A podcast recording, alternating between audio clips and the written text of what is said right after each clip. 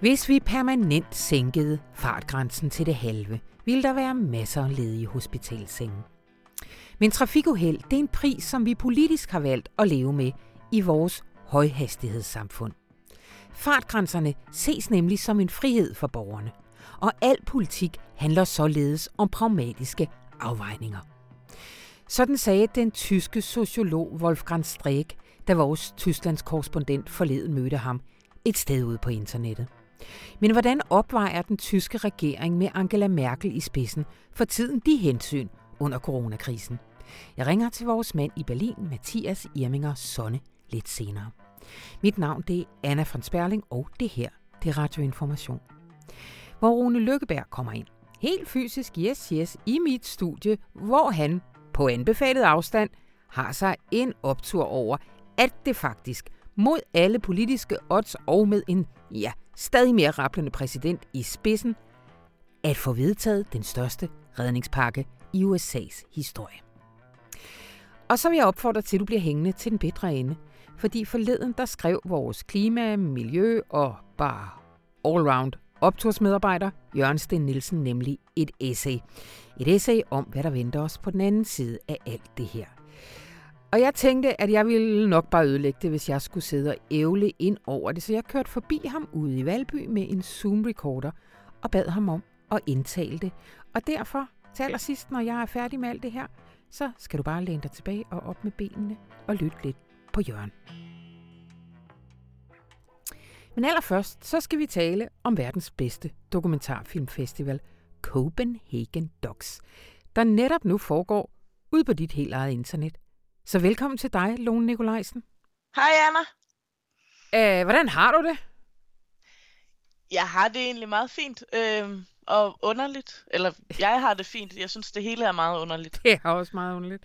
Og på en eller anden måde, jeg snakker med forskellige øh, journalister her rundt omkring med meget forskellige jobs.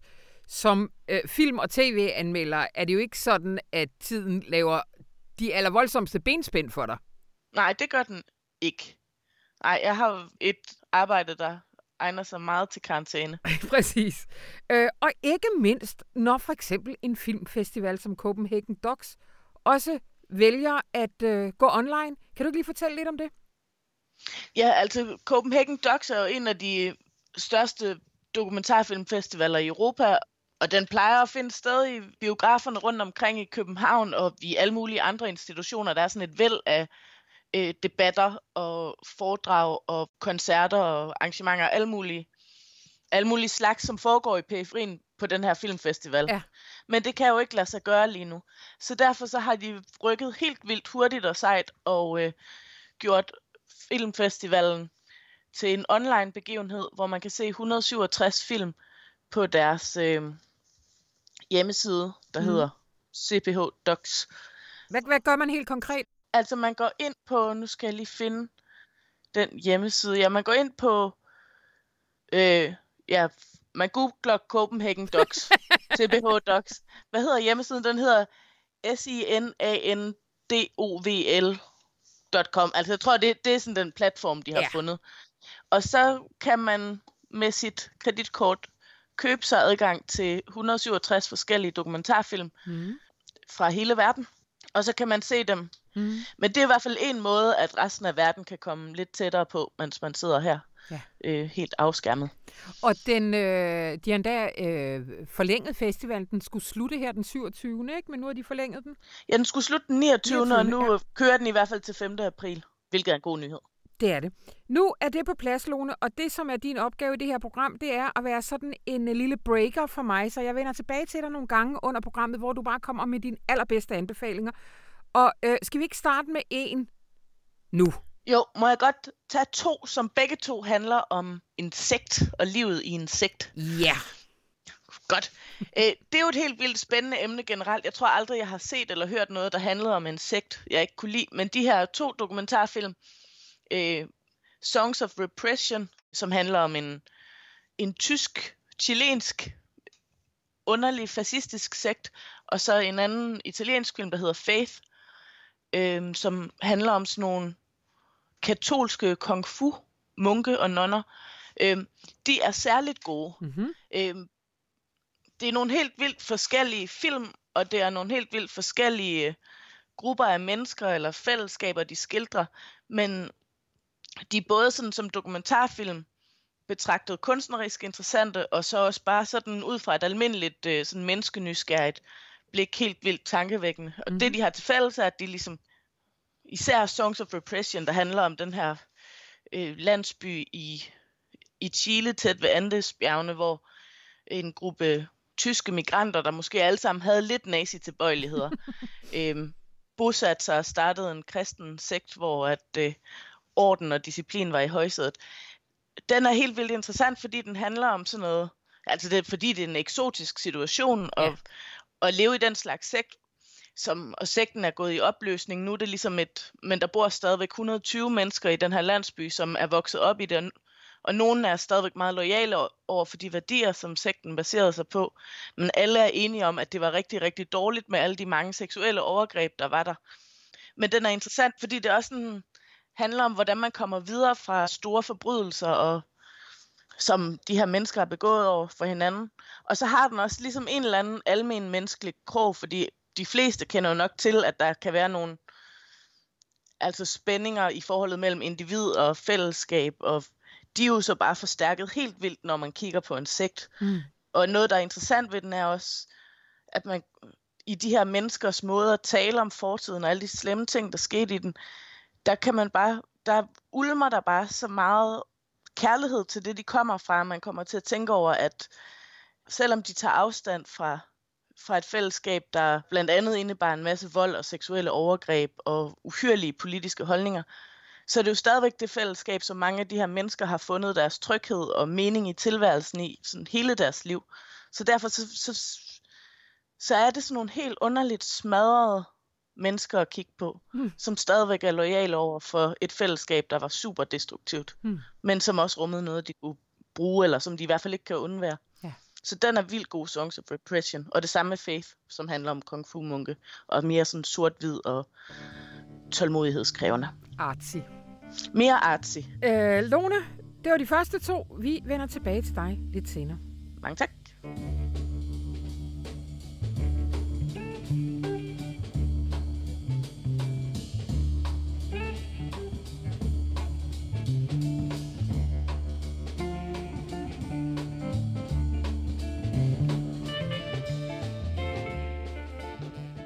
En gang i tidernes morgen, der var jeg øh, udlandsredaktør her på avisen, og der kaldte jeg det at gå stuegang, når jeg ligesom en gang om ugen satte mig ned og ringede rundt til korrespondenterne.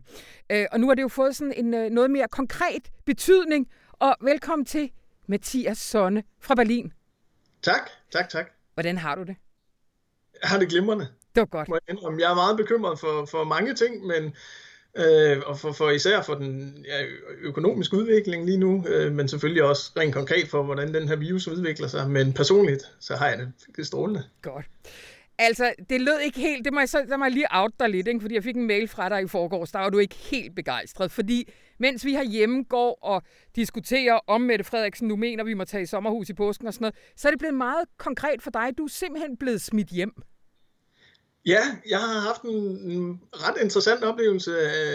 Vi var oppe og besøge min, øh, min svigerfar, som er... Øh, han, han er halvvejs anarkist, øh, må man også sige. Han har en ret vild personlighed, der foragter privat ejendomsret. Og, øh, han har købt et, et gammelt gods øh, i Mecklenburg-Vorpommern for, for snart 20 år siden, øh, som stadigvæk er halvt faldefærdig, men hvor man kan være, hvor vi tænkte, her skal vi være, mens, øh, mens den her krise står på. Her har vi luft, og ungerne kan løbe ud, og så videre. Mm. Øh, og... Øh, vi, vi var derop og tænkte, ej, hvor er vi bare, øh, simpelthen, vi har, vi har skudt papegøjen her, hvor er vi skide heldige, øh, at vi ikke sidder hjemme i buret på, på fjerde sal i Og Berlin. der var kartofler i kælderen fra sidste år. Og der var 200 kilo kartofler i kælderen fra sidste år, og, og det kørte det hele, og vi tænkte, jamen det her, det, det bliver... Øh, det, det, det bliver øh, en god tid, og vi skal nok komme igennem det. Jeg kunne stadigvæk arbejde videre, fordi alle mennesker, alt er jo lukket ned. Øh, der er jo ingen, der er ingen pressekonferencer, der er ingen øh, kilder, der vil have besøg, så alt foregår jo alligevel per, per Skype og telefon. Og, Øh, men, men så øh, i sidste øh, weekend, så øh, klokken lidt i 12, så så jeg, at der kom en bil og undrede mig over det, for vi var virkelig, virkelig langt ude på landet. Øh, og så kunne jeg se, at det var politiet, og de så så, at jeg stod oppe i ruden, og jeg kunne ligesom ikke, øh, jeg kunne ikke øh, gemme mig. så jeg må ned og snakke med de her folk, og de sagde, at I har 12 timer til at, øh, til at forlade delstaten Mecklenburg-Vorpommern, ja. som vi altså var i. Så vi blev simpelthen vi blev landsforvist, så at sige, og hvis vi ikke efterkom den her ordre, så ville vi få en bøde på mellem 2 og 10.000 euro, var deres melding. Hold op. Og det var simpelthen fordi, de havde set, at der stod en, en bil med en fremmed nummerplade, altså fra en anden, øh, øh, fra et andet tysk øh, forbundsland. Øh, øh, ja, og, og det er der så måske nogle af de lokale, der har meldt. Jeg kan ja. ikke forestille mig, at de bare er kommet forbi så langt ude på Lars Tønskeds mark. Så vi blev simpelthen, vi måtte pakke alt vores hammegud, og nu sidder vi så øh, hjemme i buret på, på fjerde sal her i Berlin. Nå, men der ser heldigvis også meget hyggeligt ud. Men, men, men prøv lige at sige mig, uh, Mathias, du siger, at det her det er på delstatsniveau. Altså, hvordan, hvordan gør man det i Tyskland, uh, hvad skal man sige, mellem uh, regeringsniveau og, og delstatsregeringer? Hvordan bliver de her beslutninger truffet? Jamen, det, det er svært. Altså, øh, vi har sådan et, et føderalt øh, kludetæppe i Tyskland med de 16 forskellige øh, delstater, Øh, og øh, de har også spillet deres kompetencer vidt forskelligt. Bayern var det første land, som, som kørte sådan en hård linje. Det gik der så i øvrigt også øh, valgkampstaktik i, og hele spørgsmålet om, hvem der skal efterfølge Merkel, fordi så kunne øh, Søder i Bayern spille den, den hårde mand, som, som tog øh, hårde tiltag langt tidligere end de andre delstater. Øh, men også en delstat som, som Mecklenburg-Vorpommern har været ekstremt restriktiv, øh, og Slesvig-Holstein i øvrigt også, altså delstaten op mod, øh, mod Danmark, så det bliver, det bliver håndteret forskelligt på mm. delstatsniveau, og der har faktisk også været en debat om, hvorvidt der skal en grundlovsændring til i Tyskland, for at forbundsregeringen kan have stærkere hånd om, mm. hvad der sker ude i delstaterne, hvilket selvfølgelig vil bryde med det her føderale princip øh, i Tyskland med at få, få magten øh, så tæt på, på borgerne øh, som muligt. Så der, øh, der er en kamp i sig selv. Hvordan, øh, hvordan går det med Merkel? Altså det, vi har set herhjemme helt tydeligt med Mette Frederiksen, øh, men jo over hele verden, skulle endda også med Trump, det er jo, at der er en tilbøjelighed til, at vi rykker rykker tæt om vores leder øh, i krisen. Øh, er det også tilfældet i Tyskland?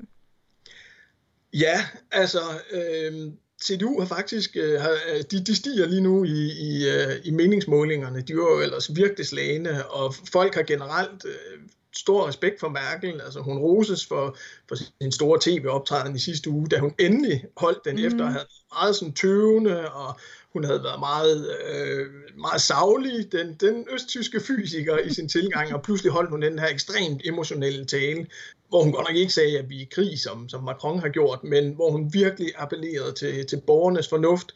Så øh, man kan sige, at hele magtkampen i, i øh, CDU, den kører godt nok stadigvæk i baggrunden, men der er, der er en, klar, øh, altså en klar opbakning til, øh, til regeringens linje ja. indtil videre. Ja. Og den linje er jo selvfølgelig både helt konkret og bekendte kæmpe coronaen, men selvfølgelig også i forhold til økonomien. Du kalder det en håndbremsevending. Kan du ikke lige sige lidt om, om det?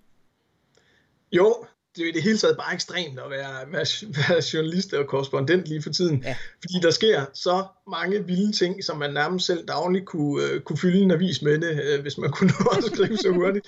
Og, og uh, altså det, der er sket i Tyskland de sidste ja, 10, 12, øh, 14 dage her, det er jo simpelthen et fuldstændig radikalt brud med alle de ting, vi har gået og pillet med i, i Europa øh, siden euroens øh, indførelse, øh, ja faktisk siden, siden den tyske genforening, hvor øh, linjen jo har været, at man fører en fornuftig øh, finanspolitik, og øh, man forgælder sig ikke. Vi skal holde det sorte nul, som det hedder. Altså, vi skal have statsbudgetter uden, uden ny gældsætning. Vi skal overholde det her med, at man højst må være gældsat 60% af BNP i forhold til euroreglerne øh, og, og stabilitetspakten. Øh, alt det har man, har man gjort og overholdt øh, i Tyskland, og der har været alle de her relativt akademiske debatter om, øh, hvordan skal Tyskland så forholde sig til, at man har en anden linje i Frankrig og Italien, og har helt andre traditioner også for, hvordan man, man har, har kørt sine statsbudgetter. Øh,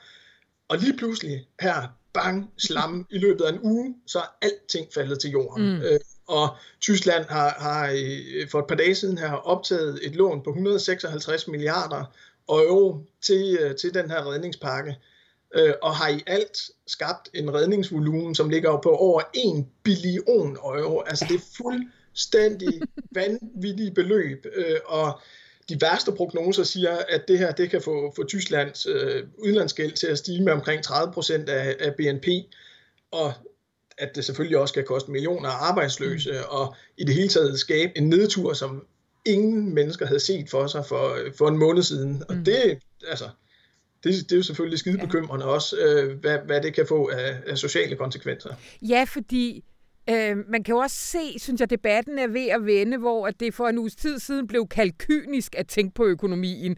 Så der er jo i stigende grad rum for at sige, det er jo ikke bare kynisme at tænke på økonomien. Det handler jo altså også om, øh, om menneskers liv, øh, øh, også på den, på den lidt længere sigt. Men hvordan er de debatter i Tyskland nu med vægtningen mellem sådan akut øh, hvad skal man sige, coronabekæmpelse og økonomi?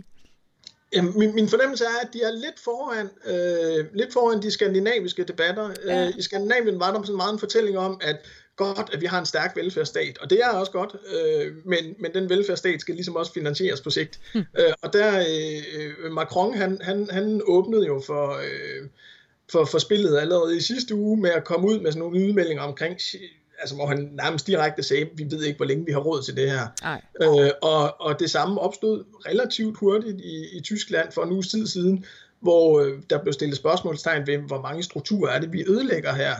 Hvor meget ødelægger vi øh, skattegrundlaget, når der pludselig falder øh, måske 1,8 millioner øh, øh, jobs væk, som er med til at indbetale til socialforsikringerne, mm. osv. osv. Mm. Så er der hele generationskonflikten, som også bliver diskuteret meget er vi i gang med simpelthen at skyde en kæmpe, gigantisk gæld over på de, øh, på de unge og ja. de, de øh, kommende øh, generationer.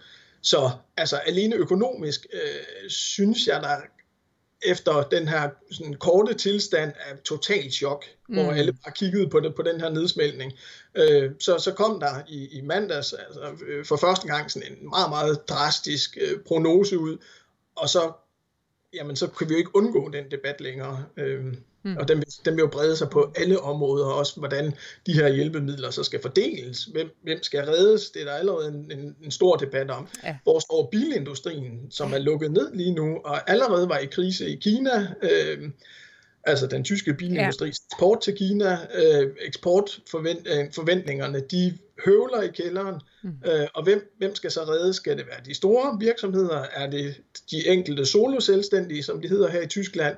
Er det alle de prekært ansatte, altså ja. 6-7 millioner lavt lønnede i Tyskland? Hvem, hvem er det, der i sidste ende øh, skal holdes oppe af, af de her kæmpe redningspakker? Så der står Altså, der står uendelige diskussioner ja. foran os.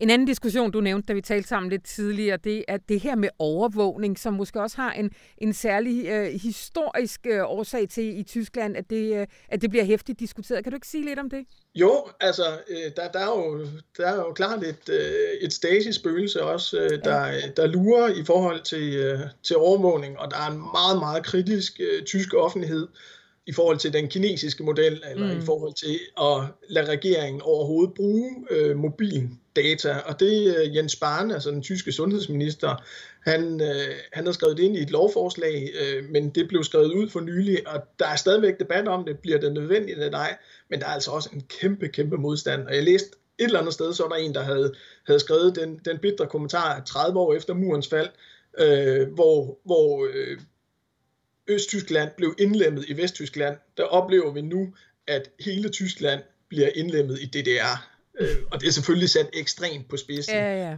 Også fordi det erklærede mål i den her undtagelsestilstand, det er jo at vende tilbage til normaliteten så hurtigt som muligt. Øh, og jeg må også sige, helt personligt, så er jeg ikke, jeg er ikke bekymret for, for det tyske øh, demokrati, som man jo i, i høj grad kan være det for det ungarske lige nu. Ja. Men overvågningstendensen, den er jo, den er, synes jeg også personligt er ekstremt øh, ubehagelig ja. og, og meget, meget problematisk. Ja. Til allersidst her nu, nu får du lige to minutter til at få alle lytterne til at gå ind og læse et fremragende interview, som du har lavet med den tyske, hvad, hvad er han, filosof, sociolog? Han er sociologiprofessor, ja. Sociologiprofessor, Wolf, Wolfgang Streeck. Wolfgang. Streeck. Hvor, hvorfor er han så øh, fed? Jamen, han, han er fed, fordi han øh, for det første har han, han har været i, igennem to årtier, har han øh, ledt Max Planck Instituttet i, øh, i Køln, altså samfunds, øh, den samfundsvidenskabelige del af det, og er en af de afgørende øh, stemmer på, på venstrefløjen i Tyskland. Han var med til at øh, prøve at sparke gang i den her Aufstehen-bevægelse, som var sådan lidt en, en kopi af de gule, øh, nej, havde noget af spiriten fra de gule veste, ja. lad mig sige det sådan. Men altså fra et, fra et meget venstreorienteret øh, synspunkt. Øh, og han er, øh, han er ekstremt pessimistisk, fordi øh, som, som han siger i interviewet, jamen det vi oplever, det er ikke, at staten bare kommer tilbage, og nu, nu har vi det politiske niveaus genfødsel. Øh, tværtimod så oplever vi en stadig mere forgældet stat, som stadig mere opererer efter økonomiske øh, logikker, og det ser han simpelthen som, som brandfarligt. Desuden kritiserer han så også, at det, det er en uge siden næsten, jeg mm. snakkede med ham, men, men dengang sagde han, hvor er debatten henne om det her? Altså, hvor meget øh, samfundsliv skal vi øh, sætte i stå, før den her debat den bluser mm. op? Godt. Og det er jo et rigtig godt spørgsmål, og jeg linker til artiklen, og jeg synes, at alle skal gå ind og læse den, fordi man bliver klogere. Og det blev jo også af den her snak, og den kunne have blevet meget længere, men øh, nu skal vi videre. Tusind tak, Mathias Irminger Sonne fra Berlin. Selv tak.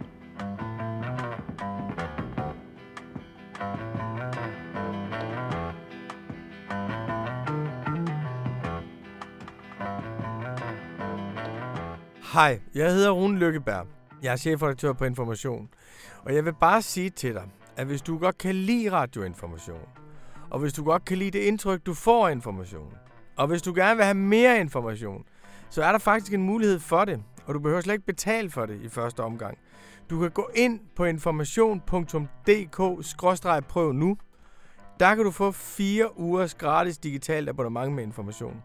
Og hvis du også vil have det, på print fredag og lørdag, ja ved du hvad, så går du også ind på information.dk-prøv nu, og så får du det også på print fredag og lørdag. Det er gratis i første omgang, og vi er ikke interesseret i at tage røven på nogen. Vi er interesseret i stærke, bæredygtige relationer, så derfor vil du blive spurgt, når du skal til at betale. Jeg vil bare sige én ting. Det kan være meget vanedannende, men det er en vane, man bliver glad for.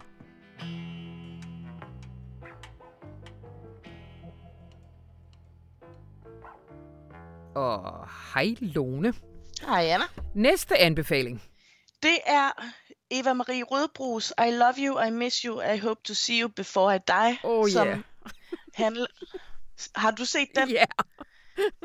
det er sådan et helt vildt, ømt og barsk portræt af en kvinde, der lever i Colorado øh, i USA, hvor hun sådan rasler rundt i bunden af samfundet og prøver at få tingene til at hænge sammen øh, mens hun samtidig prøver at være en god mor for sin datter, og lever i sådan en sammenbragt storfamilie, hvor, hvor alle ligesom prøver at hjælpe hinanden øh, så godt de nu kan. Og måden de lever på er på alle mulige måder i, i strid med Sundhedsstyrelsens normale anbefalinger om, hvad, altså, hvor meget sodavand børn må drikke, og sengetider, og om børn må lege alene ved siden af motorvejen og sådan noget. Mm. Men, men det er bare også en film om, en vildt god film om familiekærlighed, som bare er så tydelig i alle scenerne faktisk. Mm. Øhm, hvor, hvor meget varme der er i det her rimelig hårdt prøvede hjem. Øhm, og så er det sådan en film, der er konsekvent og filmet tæt på. Så det er aldrig sådan, at man får overblikket over huset, de bor i, eller familien, de lever sammen i, eller hvordan deres hverdag er skruet sammen, og altså hvorhen i samfundet de befinder sig. Mm. Man er hele tiden bare sådan til stede, helt op i fjeset på dem, lige i situationen, mm. uden at øh, kameraet eller instruktøren prøver at, zoome ud og give en det store forkromede overblik. Mm. Og det er bare sådan en nærhed, der er helt konsekvent og, øh, og en forudsætning for, at man bliver så følelsesmæssigt involveret. Kan du ikke sige lidt mere rigtig om instruktøren? Smuk, rigtig god. Jo, Eva Marie Rødbro, hun er kendt for DR3-hittet Prinsesserne på bloggen, som var en videreudvikling af hendes afgangsfilm fra filmskolen, hvor hun er uddannet dokumentarinstruktør, og afgangsfilmen hed Vi der valgte Mælkevejen. Og Prinsesserne på bloggen er jo også et dokumentarprojekt, som handler om nogen, der befinder sig sådan lidt i, øh, hvad hedder det, sådan på randen af samfundet, eller i hvert fald ikke det mest privilegerede samfundslag, men som bare bliver taget alvorligt for det, det, der betyder noget for dem, og det, der gør deres liv gode, og, altså det, der driver dem, og det, som de føler noget for. Altså det er jo bare sådan en klassisk kvalitetskriterie til dokumentarfilm, at man vil have det skal, at filmen skal være i øjenhøjde med de medvirkende. Og det synes jeg, hun er kæmpemester til, og det er ikke bare sådan øjenhøjde, det er også bare helt op i fjeset på en måde, der ikke føles vemmeligt nærgående, men bare som en privilegeret adgang til nogle menneskers sådan, intime hjemmeliv. Og sig lige igen, hvad den hedder, Lone. Den hedder I love you, I miss you, I hope to see you before I die. Og den her lange titel, det er noget, som hovedpersonen Betty har for vane at skrive i sms eller skrive beskeder til Eva Marie Rødbro. Og de to kender hinanden, fordi Eva Marie Rødbro rejste rundt i USA og fik øje på Betty, der stod i sin venneflok og røg smøger på en veranda et sted. Og så satte hun sig for at lære hende at kende, fordi hun ligesom havde et, et nærvær eller en, en udstråling, som var særlig.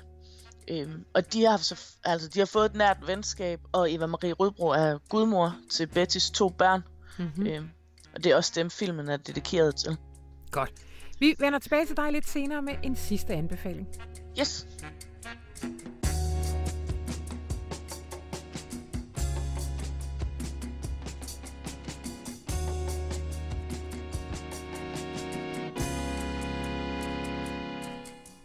Hej Rune. Hej Anna. Helt rigtigt menneske, umedieret foran mig her i studiet Stor Kongsgade. Fuldstændig. Vi sidder her. Der er ingen social afstand mellem os, men der er to meters fysisk afstand. Præcis, og så er der sådan nogle øh, spytopsamlere øh, på mikrofonerne. På den måde er øh, radiostudier øh, foran alle os andre. Præcis. Og der er håndsprit på bordet, men altså, vi sidder med, med de der to meter, ikke? Yes, præcis. Rune, øh, du er, er gået ud af din, øh, din, din selvkarantæne. Hvor længe har du været ude i livet? Øh, nå, men det har jeg været i øh, en to-tre dage. Der skete jo det, at min kone fik noget, der kunne være corona. Mm. Og derfor var isoleret i nogle dage. Og efter hun var symptomfri, så var hun også isoleret i et par dage. Og efter det, så har jeg så været hjemme en uge. Ikke fordi jeg har haft øh, corona eller symptomer eller noget som helst andet dramatisk, men bare for ligesom lige at holde mig lidt på afstand. Og jeg har ringet mig til coronalinjen. og fået fat i hjemmeværende. ja, og det er også fordi, jeg kan enormt godt lide, jeg, når jeg ringer til sundhedsmyndigheder, så føler jeg mig altid som den lille borger over for den store medicinske autoritet, og jeg er altid bange for, at de siger, at jeg har en sygdom, jeg skal dø af. Uanset om jeg ringer om et eller andet med mine børns tænder. Ja. Så det der med, at der sidder en fra hjemmeværnet derovre, så ved man sgu, det er en kammerat, der sidder på der. Så jeg har ringet rigtig meget til dem, og de siger, at jeg skal bare gå ud. Ja. Bare gå ud. Jeg har ikke nogen symptomer eller noget som helst. Og vi sidder her, og vi er raske. Det er det. Øh, har du en dag en optur til os? Kæmpe optur. Mm. Kæmpe optur. Øhm, det har jo været et helt frygteligt scenario, der har været for USA. Mm. Altså, øhm, der har jo været udsigter til 30% arbejdsløshed i, fjerde, i en andet kvartal. Altså 30% det er mere, end der var under The Great Depression. Det er mere end under finanskrisen. Altså, det er mere, end man nogensinde før har registreret. Og det er jo frygteligt i USA, fordi dem, der mister deres arbejde, de mister deres sundhedsforsikring. Mm. Og halvdelen af de amerikanske lønmodtagere, som har under 150.000 dollars om året, de lever fra paycheck til paycheck. Det vil sige, at hvis der er en måned, hvor de ikke får løn, så kan de ikke betale for deres husleje. Mm. Så den økonomiske katastrofe vil være en social katastrofe i USA. I næste bølge vil det så givetvis også blive en sundhedsmæssig katastrofe. Fordi hvis du sidder hjemme, og du har mistet dit arbejde, fordi du har gjort det, myndighederne sagde, og du ikke har råd til at betale for dit hus, du ikke har råd til at betale for din bil, og du ikke har nogen som helst forsikring mod, at du bliver syg, gider du så overholde myndighedernes regler om, at du skal blive hjemme? Mm. Gider du så være solidarisk? Altså, hvis du bare sidder hjemme i to måneder, og hele lortet falder sammen, så gider du heller ikke isolere dig i solidaritet med nogen, der ikke har en skid solidaritet over for dig. Så det er virkelig grim forecasts for mm. USA. Så kan man spørge, hvad gør politikerne? Ja, Trump han siger jo det ene den ene dag, og den anden den anden dag. Der er en PR-radiostation, altså National Public Radio, som ikke længere transmitterer hans pressemøder, fordi de mener, at det er sundhedsskadeligt. Hold da.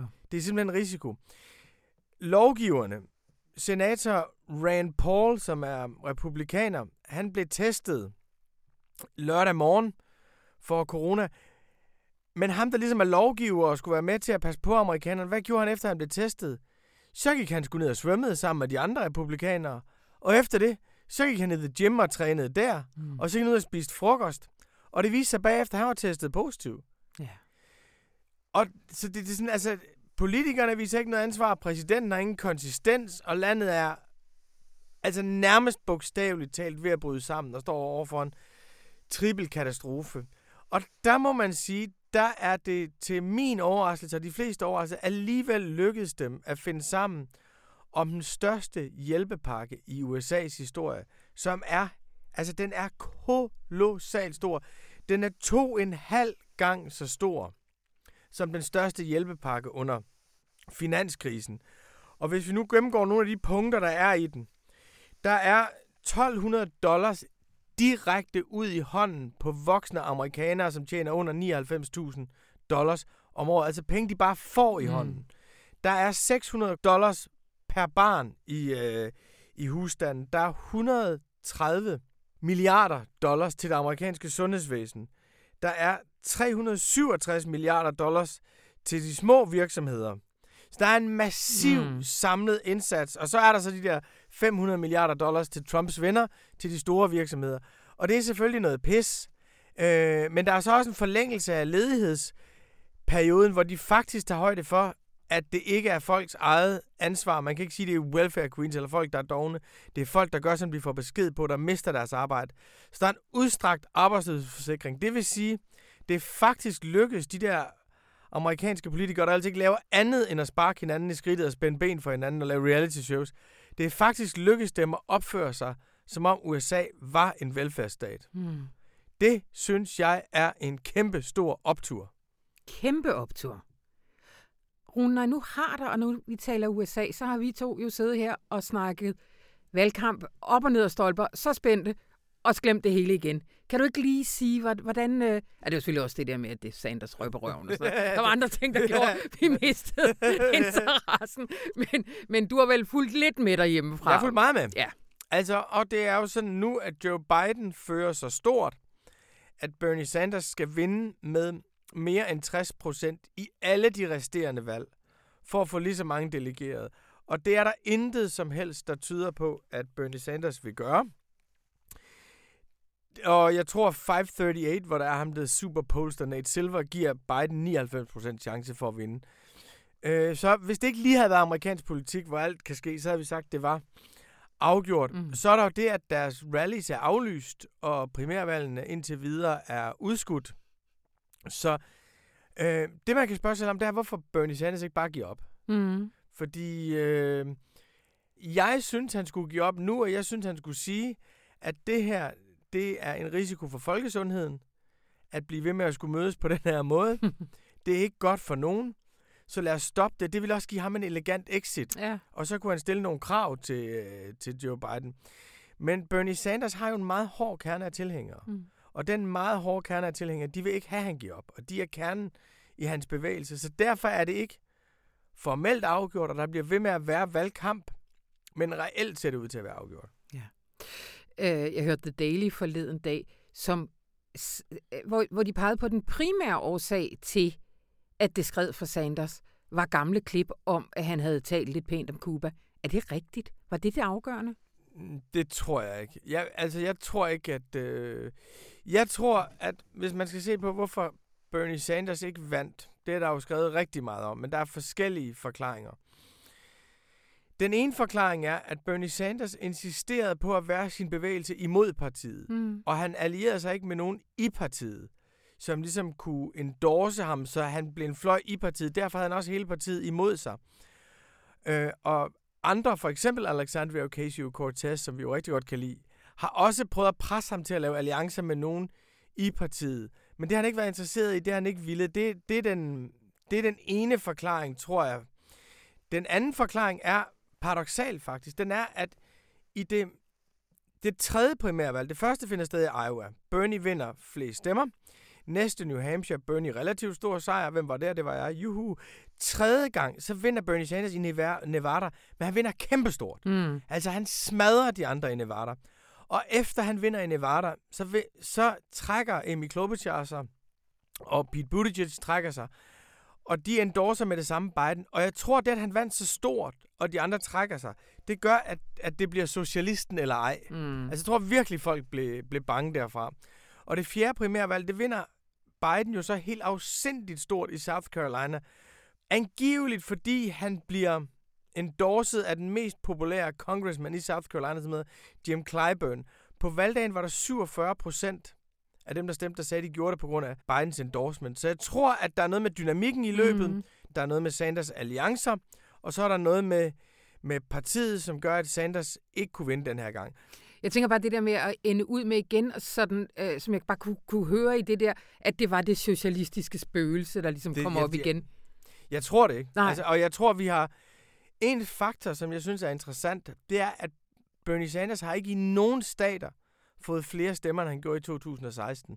Det vil sige, med den kæmpe bevægelse, som jeg selv har set, der er vildt imponeret over, den enorme appel og den begejstring og den klimadagsorden, han også har med sig, har han ikke et sted kunne få flere, end han gjorde sidste gang.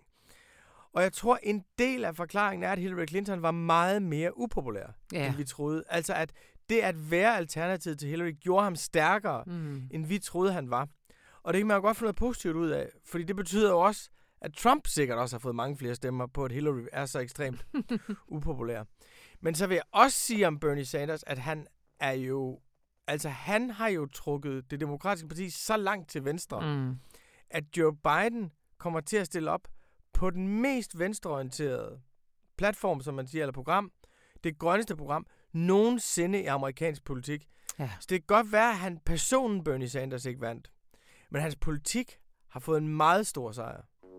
Det er da også optur. Det er fandme også optur. Tusind tak, Rune, og vi, øh, vi ses her vi ses. næste uge.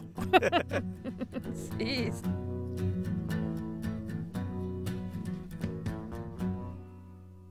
Og Lone Nikolajsen her til allersidst. En tredje, eller fjerde blev det, du snød mig jo.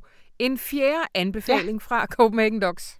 Det er en russisk dokumentarfilm, der hedder Bitter Love, som er ekstremt herlig, samtidig med at den egentlig handler om, om ensomhed. Altså den handler om et øh, krydstogsskib, der sejler øh, afsted på floden Volga i Rusland, mm-hmm. og det er åbenbart et krydstogt, som man tager på, hvis man leder efter kærlighed, og især sådan romantisk kærlighed. Så der er nogen, der, der tager afsted som par, for ligesom at have kvalitetstid sammen og stå side om side og kigge ud på floden, der glider forbi.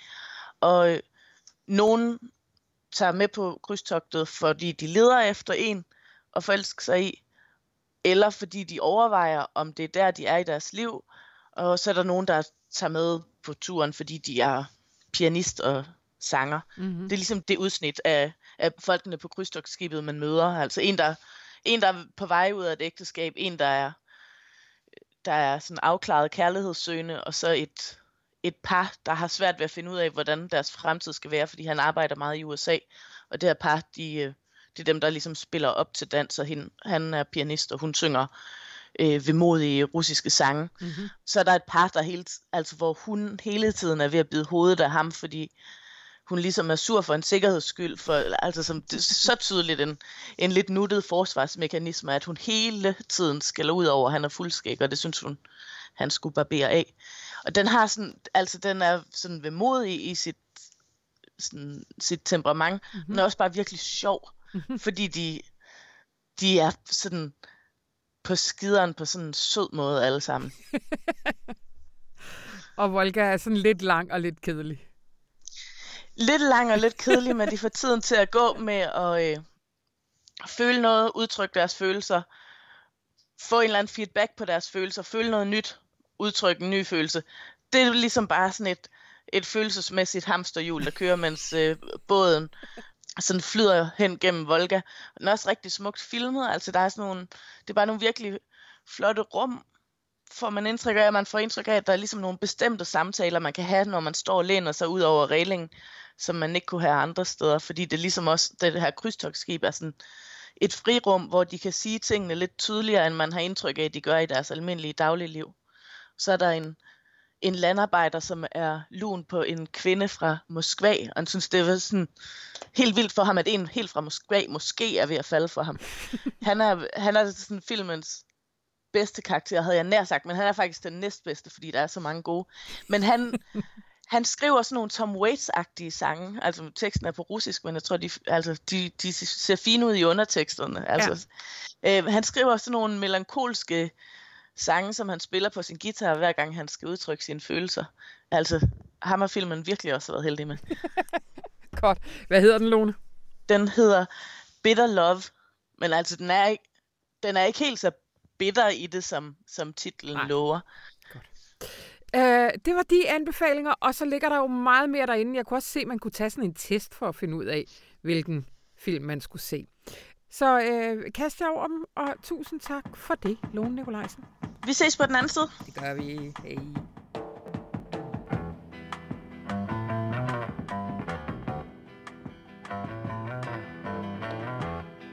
Og det var så, hvad jeg havde valgt fra denne uges aviser. Øh, mit navn det er Anna von Sperling, og det her program det var klippet af Anne Pilegaard Petersen. Men som jeg jo teasede lidt for i starten, så har vi jo en ekstra gave til jer i den her uge. Det er Jørgen Sten Nielsen, der læser op af essayet Lad os huske handlekraften, når pandemien er over. Den var cirka 20 minutter. Op med benene og god fornøjelse.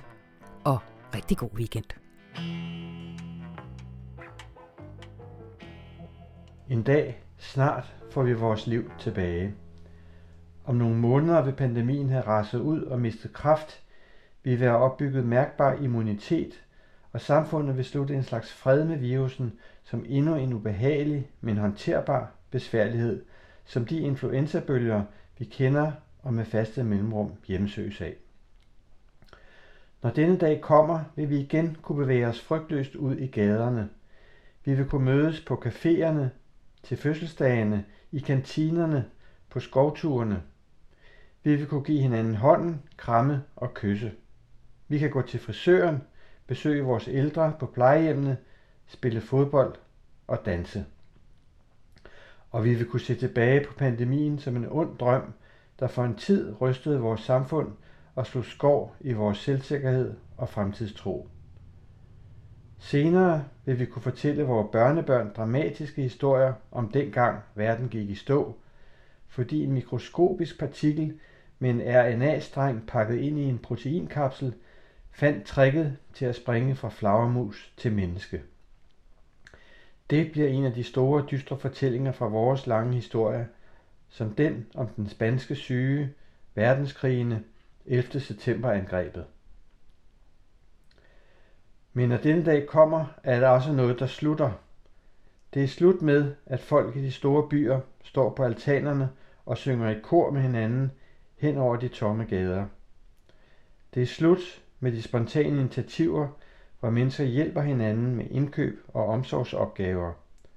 Slut med, at studerende på sundhedsuddannelserne og pensionerede læger og sygeplejersker trækker i kitlerne og stiller op for at hjælpe de syge og de pressede kolleger.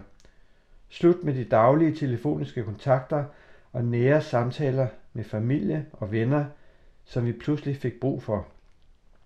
Slut med den særlige øjenkontakt og den særlige betoning, når kassedamen ved vores sjældne besøg i supermarkedet siger, have en god dag, og vi siger tak i lige måde. Det er også slut med national opslutning bag en statsminister, der i krisens stund har kunnet træde karakter som en samlende, tillidsskabende landsmoder. Slut med politisk konsensus på tværs af partier om svære, nødvendige indgreb i fællesskabets interesse. Slut med medier, der sætter fælles fokus på national sammenhold, ægte folkeoplysning, ansvarlighed. Vi vender tilbage til en hverdag, hvor politikere strides og sværter hinanden til. En hverdag, hvor medier jager konflikter, skandaler og hår i suppen. En hverdag, hvor vi igen får travlt med at tjene penge, gøre karriere, konkurrere med hinanden og realisere os selv. Og en hverdag, hvor nationers og klassers særinteresser skaber polarisering, ufred og manglende evne til at løse denne verdens egentlige problemer. Eller hvad? Hvad er det for en indsigt om os selv, virusen bringer med sig? Hvad er det for en virkelighed, vi gerne vil vende tilbage til? Hvordan skal vores verden se ud post-corona? Mange af de analyser, som gennem de seneste uger forsøger at forstå og forklare pandemien gennem den globaliserede økonomis prisme. De markeder for vilde dyrearter, som findes i Asien og Afrika, og som i Wuhan, Kina, menes at være stedet, hvor coronavirusen foretog sit spring, har traditionelle rødder bestemt af lokal forkærlighed for at spise eksotiske arter som rotter, skildpadder, aber, fugle, insekter, krokodiller, slanger, bæltedyr, flagermus osv. Men med befolkningsvækst og migration til de økonomiske vækstcentre i storbyerne er sådanne markeder blevet større, tættere sammentrængt og med et udvidet publikum. Med den udvikling er fuldt en større risiko for virusspring og smittespredning, sådan som også SARS-epidemien i 2003 med udspring i et marked i Guangdong vidnede om. I historisk kontekst ser vi nu en acceleration uden fortilfælde i spillover eller spring af patogener fra dyr, siger den amerikanske epidemiolog og veterinærforsker Jonathan Epstein til netmagasinet Vox. Udbredelsen af sygdomme er ikke en ondsindet handling for vilde dyr, snarere en ulykkelig konsekvens af menneskers fortsatte pres på økosystemer og øget kontakt med det vilde dyreliv via urbanisering, landbrugets ekspansion, rejser og handel. Den store pulje af virustyper, som findes i dyreverdenen, trækkes fra naturen ind i civilisationens centre og omvendt. Vi invaderer tropiske skove og andre typer af vild natur, som er hjemsted for så mange dyre- og plantearter, og med disse skabninger så mange ukendte viruser. Vi fælder træerne, vi dræber dyrene, eller indfanger dem og sender dem til markeder. Vi forstyrrer økosystemer, og vi ryster viruser løs fra deres naturlige værter. Når det sker, behøver de en ny vært. Ofte bliver det os, skriver den amerikanske videnskabsforfatter David Quammen i The New York Times. Når smitten først er i blandt os, sikrer den globaliserede levevis, at den spredes hastigt og effektivt, som vi oplever det lige nu. Først til økonomiens internationale kraftcentre, enten de store byer som New York og Washington, og herhjemme København og Aarhus, eller centrene for international turisme, som de italienske skisportsteder.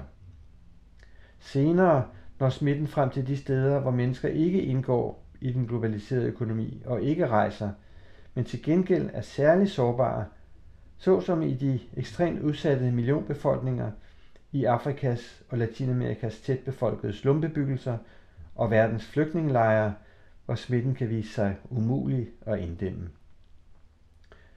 Skulle den seneste uges vækstrater for registrerede smittetilfælde uden for Kina fortsætte, viser simpel omregning en udvikling fra nu omkring 237.000 kendte smittede til op mod 1 million om en uges tid og i omegnen af 20 millioner om en måned.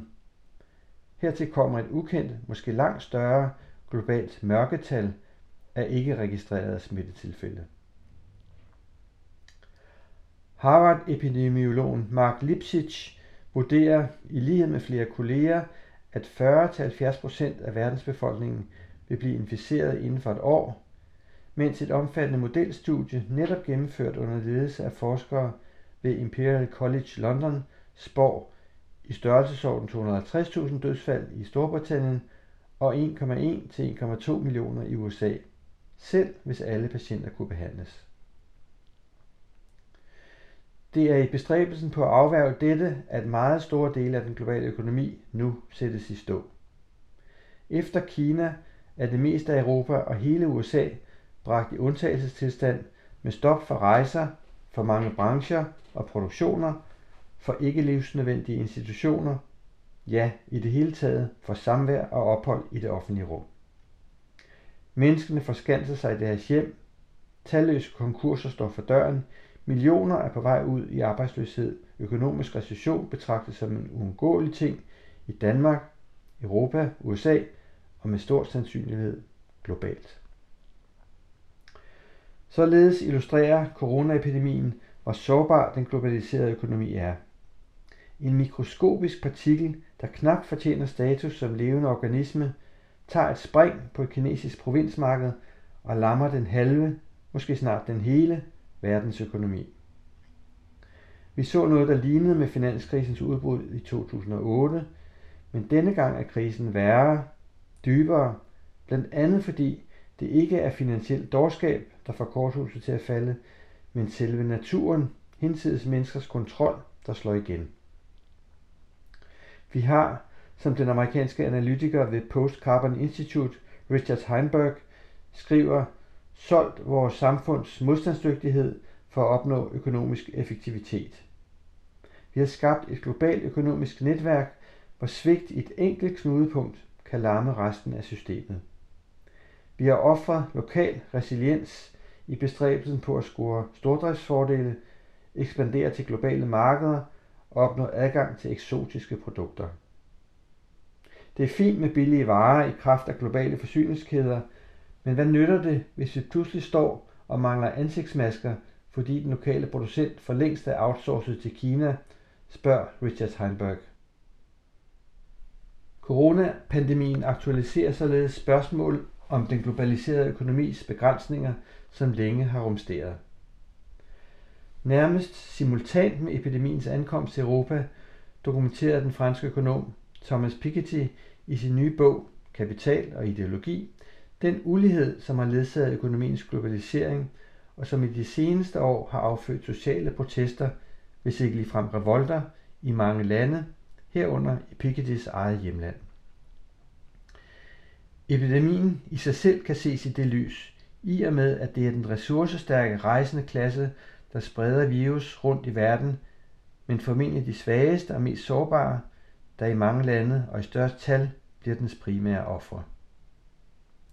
Derfor må man forvente, at diskussionerne om globaliseringen og dens skyggesider tager til, og at konflikterne skærpes, når vi er kommet igennem den sværeste fase med sygdom, død og lammelse. I Italien har man allerede oplevet stærke reaktioner fra højre nationalistiske kredse, der beskylder de beskidte kinesere med deres afskyelige spisevaner for at have bragt virus til Italien. Afrikanske migranter vil snart gøre det samme med det eksplicite formål at udslette den italienske befolkning og erstatte den med afrikanere, tilsat islamisering og sharia-lov, lød det i februar i nogle italienske medier. Således vil nogle sikkert med epidemien se sig bekræftet i, at det at lukke sig om sig selv bag nationale grænser er det bedste værn mod en globalisering, der ikke blot opleves at true mange på brødet, men ligefrem på livet. En mere perspektivrig tilgang er at søge veje til en international økonomi, der er mindre sårbar, herunder mindre i konflikt med det naturgrundlag, der kan vælte økonomien, hvis det presses for hårdt. Ikke blot coronaepidemien, men nok så meget klima- og biodiversitetskrisen anskueliggør det synkroniserede systemsvigt, som den kanadiske kompleksitetsforsker Thomas Homer Dixon i talesatte og forudsagde for snart 20 år siden i en tale på George Washington University med titlen Synchronous Failure, The Real Danger of the 21st Century.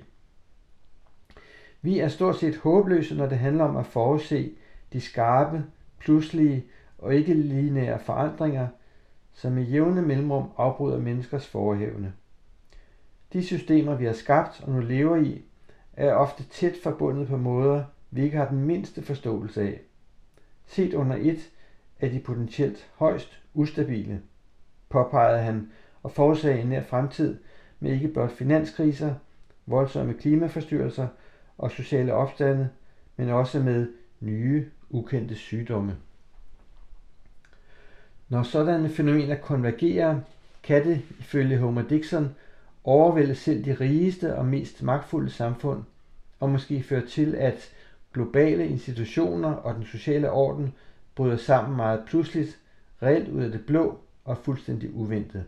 Sker det, kan der være meget lidt tilpasningskapacitet tilbage til at absorbere chokket, advarede Homer Dixon tilbage i 2002. Det er det, coronavirusen nu demonstrerer. Og det er tilsvarende det, klimaændringerne og risikoen for overskridelse af klimaets og biosfærens tipping points i nær fremtid kan demonstrere. Det er en ringe trøst, at den aktuelle delvise nedlukning af verdensøkonomien også betyder en dæmper på udledningen af drivhusgasser. Klimaforskerne ved det norske Cicero Forskningscenter skønner, at bremsen på den globale økonomiske vækst kan betyde, at CO2-udledningerne i 2020 falder med op til 1,2 procent. Faldet kan der blive mærkbart mindre eller ende i 0, blandt andet fordi også grønne omstillingsinitiativer hæmmes af den nye økonomiske krise. Man kan sige, at coronaepidemien og den ledsagende økonomiske nedtur giver verdenssamfundet et kortvarigt pusterum til at overveje, hvordan en postkriseøkonomi skal forandres og indrettes for at fremme en grøn omstilling og mindske risikoen for de pludselige økologiske sammenbrud, som Thomas Homer Dixon forudsagde, og som FN's klima- og biodiversitetspaneler siden har advaret om. Ikke alle mener, at radikale omstillinger er nødvendige, end sige ønskelige. Således for eksempel Berlingske chefredaktør Tom Jensen, der forleden i sin avis skrev, at forskellige kræfter taler allerede om, at coronavirusepidemien vil vende verden på hovedet for altid, gøre en ende på globaliseringen, føre til et klimaopgør med kapitalismen, lukke landegrænser. Men det er forkert. Målet nu må være at sikre, at vi kan vende tilbage til den verden og det frie liv, vi levede indtil for få uger siden. Citat slut. Andre vil mene, at en sådan flugt tilbage til den gamle orden vil afspejle, at vi intet har lært, og det vil være en sikker opskrift på fortsatte kriser og sammenbrud. Formentlig og forhåbentlig vil mange udnytte den påtvungne tid i hjemlig lediggang og isolation til at reflektere over, hvor meget frihed og tryghed vores hidtidige levevis, vores vaner og værdier reelt har bragt os og kan bringe os i fremtiden, hvis vi fortsætter uanfægtet som nu. I en aktuel kommentar til den globale situation skriver Thomas Homer Dixon, at dagens fremvoksende pandemi kan være med til at katalysere et stærkt tiltrængt vendepunkt i menneskehedens moralske værdier, prioriteringer og forståelse af selvet og af fællesskabet. Det kan minde os om vores forbundne skæbne på en lille, trængt planet med svindende ressourcer og slidte naturlige systemer. Citat slut. Midt i tragedien forærer pandemien os således en enestående chance for at skifte kurs. Vi har nu et afgørende mulighedernes vindue, som chefen for det internationale energiagentur, Fatih Birol, sagde forleden. Regeringer og parlamenter herhjemme og i andre lande signalerer i disse dage vilje til at investere astronomiske milliardbeløb i at få økonomien på fod igen. Hvis det får form af offentlige investeringer eller tilskud til private investeringer i grønne løsninger og arbejdspladser, der gør økonomien mere resilient og modstandsdygtig og understøtter de vedtagne klimamål, så kan det være et vigtigt skridt i retning af at afværge den klimatrussel, der i det lange perspektiv er langt alvorligere end coronapandemien. Hvor kampen mod epidemien i høj grad handler om at redde vores gamle, så handler kampen mod klimaforandringer primært om at redde tilværelsen for vores børn og børnebørn. At løfte den udfordring kræver den ånd af nationalt sammenhold, af kollektiv indsats for fællesskabet i forsvaret for vigtige værdier, som hersker netop nu, ikke mindst takket være statsministerens og regeringens ansvarlige og myndige ageren.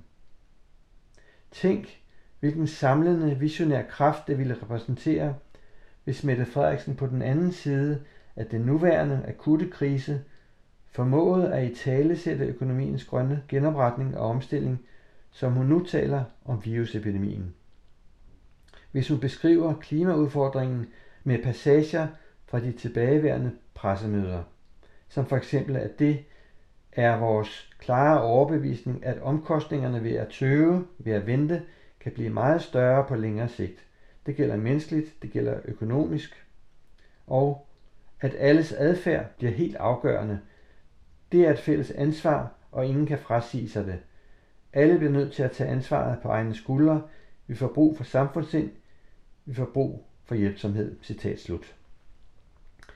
En sådan appel om klimahandling er situationen ikke til i disse dage. Glemt er for en tid meldingerne om indlandsisens smelten og gletsjernes forsvinden, orkanerne i Karibien og den meksikanske golf, branden i Kalifornien og Australien, græshoppesværmene i Afrika og herhjemme tørken det ene år og oversvømmelserne to år senere, som begge har ramt blandt andet landbruget hårdt. Det er af indlysende årsager fortrængt. Der er lige nu ikke plads i bevidstheden til de dystre billeder af, hvad vi gør ved klimaet, ved naturen og biosfæren. Men de vil komme tilbage som billeder på en udfordring, der bare vokser. Og i sidste ende handler det om det samme som coronakrisen. Den sårbarhed, vi har bygget ind i vores økonomi og livsform. Når vi om ikke så længe får vores hverdag tilbage og kan bevæge os ud i gaderne uden frygt, så magter vi måske at tage livtag med de ting i vores tilværelse og vores samfund, som ikke er holdbare. Vi magter det, fordi vi har lært. you